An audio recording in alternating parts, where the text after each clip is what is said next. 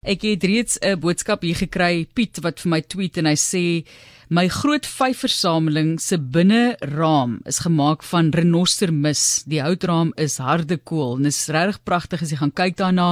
Baie interessante veld waarop sy fokus. Sy naam is Marinda van der Nest en sy is 'n erfenisbewaringsdosent wat sopas haar meesters verhandeling ingedien het en ons kyk na die analise van handgemaakte papier van olifantmis en die mis van ander herbivore.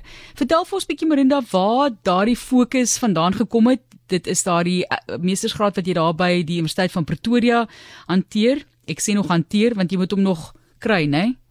Sover ek verstaan.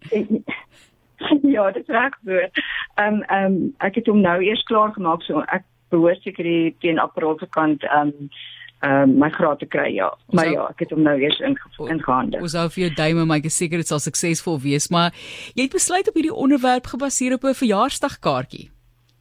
Ja, my man het 'n verjaarsdagkaartjie gekry van sy tannie en dit is toe gemaak van die mis van olifante uit die Nysna omgewing en voorop was 'n watertekening van 'n buffel, 'n waterverftekening en agterop was die inligting van hoe die kaartjie gemaak is. En omdat ek nou besig was met hierdie graad, het dit my toe laat wonder hoe dit op papier bewaar sou word, want my graad gaan oor erfenisbewaring is. Nou dit ook gaan kyk hoe papier van omdat ons weet papier word van hout gemaak het en dan nadat dit nou deur 'n verfyningsproses gegaan het, het ek gaan kyk waar waar dit bestaan hout nou eintlik. Nou die hoofbron, ehm um, die drie bestanddele daarvan is cellulose, hemicellulose en lignin.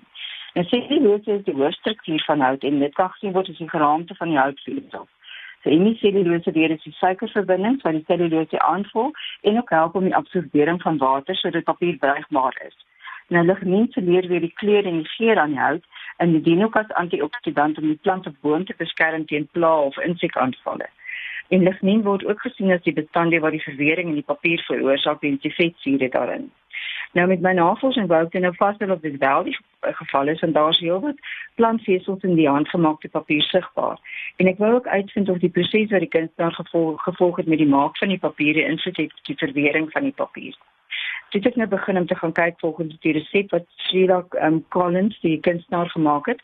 Ehm um, en haar resep is 'n eeuoue resep vir die Chinese manier van papier maak volg. Ek het nou 'n swart renostermis gekry en daarvan het ek 'n papier gemaak as verwysing teenoor die papier wat sy gemaak het so ongeveer 25 25 jaar gelede. Sure. En ek ek het ook nog ander sewe tipe papier gebruik as monsters om eksperimente op te doen om die verwering van die papier te doen. Kan ek gou vir jou vra voordat jy vir ons verder vat, hoe word dit okay. hoe werk die analise? Watter gereedskap gebruik jy nou hier byvoorbeeld? Jy weet, as jy na daai papier kyk om die ouderdom vas te stel en waarvan dit gemaak is. Ehm um, ek het die pH getoets om te sien hoe ehm um, hoeveel sure daarin is en ek het ook dit gedoen in die lignin en ek het dit daar's sekere ehm um, tipe ehm um, kon ek sê chemiese bestanddele wat in die papier gooi om te kyk wat of dit gaan verkleur. Dit verkleur gewoonlik so 'n magenta kleur, wat so pink of pers is dit dan mag lignin in is.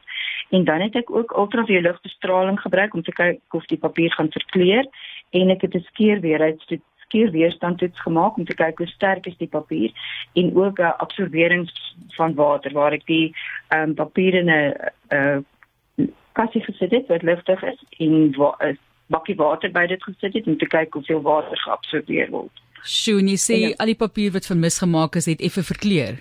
So verduidelik vir ons wat jy verder bevind het. Dit is nee, dit al wat verkleur het as die wit koerantpapier wat ek gebruik het. Goed. Die ander papier, eh, hulle het in hulle het ultraviolet om die ultraviolet het dit verkleur en ook die lignin het dit gewys dat dit so pink pers verkleur het. Hulle het baie meer lignin in wat dan nou wys dat hulle meer suur in het. Die ander papier het nie rare verkleur nie. Nie een van die ehm um, wat van misgemaak is het verkleur nie en dit het ook nie ehm um, daar het ook nie skimmel opgegooi na die watertoets nie. Ehm um, so dit wys dat dit 'n redelike sterk papier is. Die plantvesels het ook nie geskeur nadat dit ehm um, met die skeerweerstand het dit is meer uitgetrek uit die papier. Ehm um, so mense moet eintlik versigtig dan wees dat die papier nie verder kan skeer nie. Maar ja, dit is 'n redelike sterk papier dan nou. Want jy um, jy, jy het gekyk na die eh, na die die inhoud en hoe dit hoe lank dit kan hou, hoe dit bewaar word. Dit was die groot fokus geweest, né? As jy vir ons bietjie net kan vertel van die verhandeling, wat was die die hoof fokus van wat jy wou bevind? Die hoof fokus was eintlik om te sien of daar die lignien wat in die of daar enige lignien in die papier is. Ehm um, nadat dan met die maak van die ag met die maak van die papier die resep wat gevolg word het gebruik 'n mens was soda om die um, mis te steriliseer en ehm um, moontlik dan word die lignien minder deur die hele proses. So uh, dit was 'n groot probleem want lignien word gesien as die bestanddeel wat die grootste ehm um, afbreking van plantvesels ag van papiervesels veroorsaak. Maar met my toets het ek toe nou gesien daar is nie soveel lig nie, so dit is ehm um, dit het nie die invloed gehad wat dit sou gehad of dit het nie die invloed op die verwering van papier nie. Gelukkig nou aan die een kant want dis so kom papier ehm um, hierdie papier redelik lank behou sal bly omdat dit nie daai suur in dit wat dit gaan afbreek nie. Ons gesels oor 'n analise van handgemaakte papier van olifantmis en die mis van ander herbivore. Fascinerend. En soos hy sê, herbivore verteer ongeveer 60% van die plant en boomvesels wat hulle vreet en ongeveer 40% word onverteer in hulle mis uitgeskei. En dit is wat ons gas Mirinda van der Nest sê dan heelwat selulose en lignien daarin bevat. So vertel vir ons wat vorentoe vir jou lê.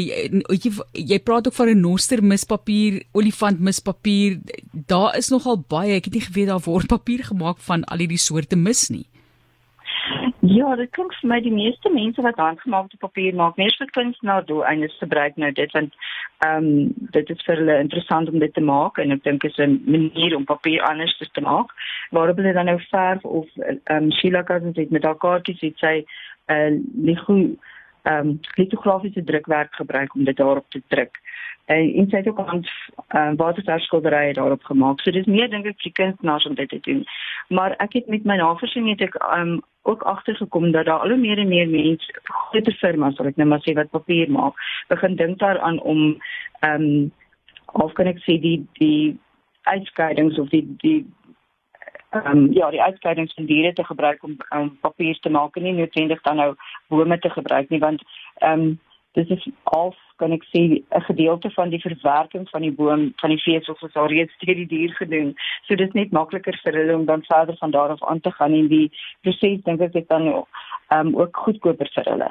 Maar hulle het dit nog nie heeltemal so op industriële manier ehm um, begin doen nie. En ek dink daar gaan seker meer navorsing van industriële kant af moet wees om dit nou regtig waar toe te pas. Maar ja, dit is 'n manier om die aardhalf te beskerm as ek dit so kan sê. Dit is regtig 'n pragtige studie. Ek sal graag uh, dit wil lees eintlik om te sien wat jy alles bevind het en en meer van die statistiek, maar die waarde vir ons hier vorentoe, jy het nou verwys na omgewings, die omgewingswaarde daarvan, goeie gehalte het jy bevind vir hierdie papier en vir museumkundiges, daar's baie mense argevarisse en byvoorbeeld wat dankbaar sal wees vir hierdie studie. Hoe sal dit toegepas word dink jy in hierdie bedrywe?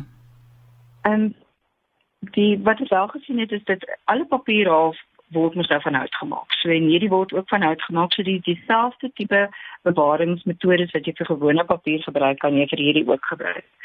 Ehm um, dit moet in bewaarplekke gebruik gebruik word waar die humiditeit ongeveer 60% is en die verandering in te temperatuur en lugblootstelling moet beperk word en dit word moet die minimum hanteer hanteer word sodat dit nie um, enige skeure of rafels of goed gaan um, dit kry nie en dan behoort dit gebeur te word met stofvrye omgewing. So basies wat ek on, ondervind hier is net om ehm um, by te dra tot studies wat alreeds gedoen is om te sê hoe om papier te bewaar en dit veilig te hou en dit stofvry te hou en alsoos goed maar ook dat mense kan weet dat lignien nie werklik so 'n groot invloed het op die afbreek van papier nie. Dit is so interessant. Baie dankie dat jy met ons gedeel het. Wat is die pad vorentoe? Gaan jy voort in hierdie roete of in hierdie rigting is daar nog iets wat jy dalk vir 'n doktersgraad wil navors? Ek weet dit is nou vinnig vinnig gesê net nadat jy jou meestersgraad verhandeling ingehandig het. Dit is 'n klomp werk. So wat lê vir jou um, voor in hierdie veld? Weet jy, ek sê elke keer vir my man asseblief as ek weer begin dink aan swat plan met my kop slaan my oor die kop met die kop ek dink daaraan.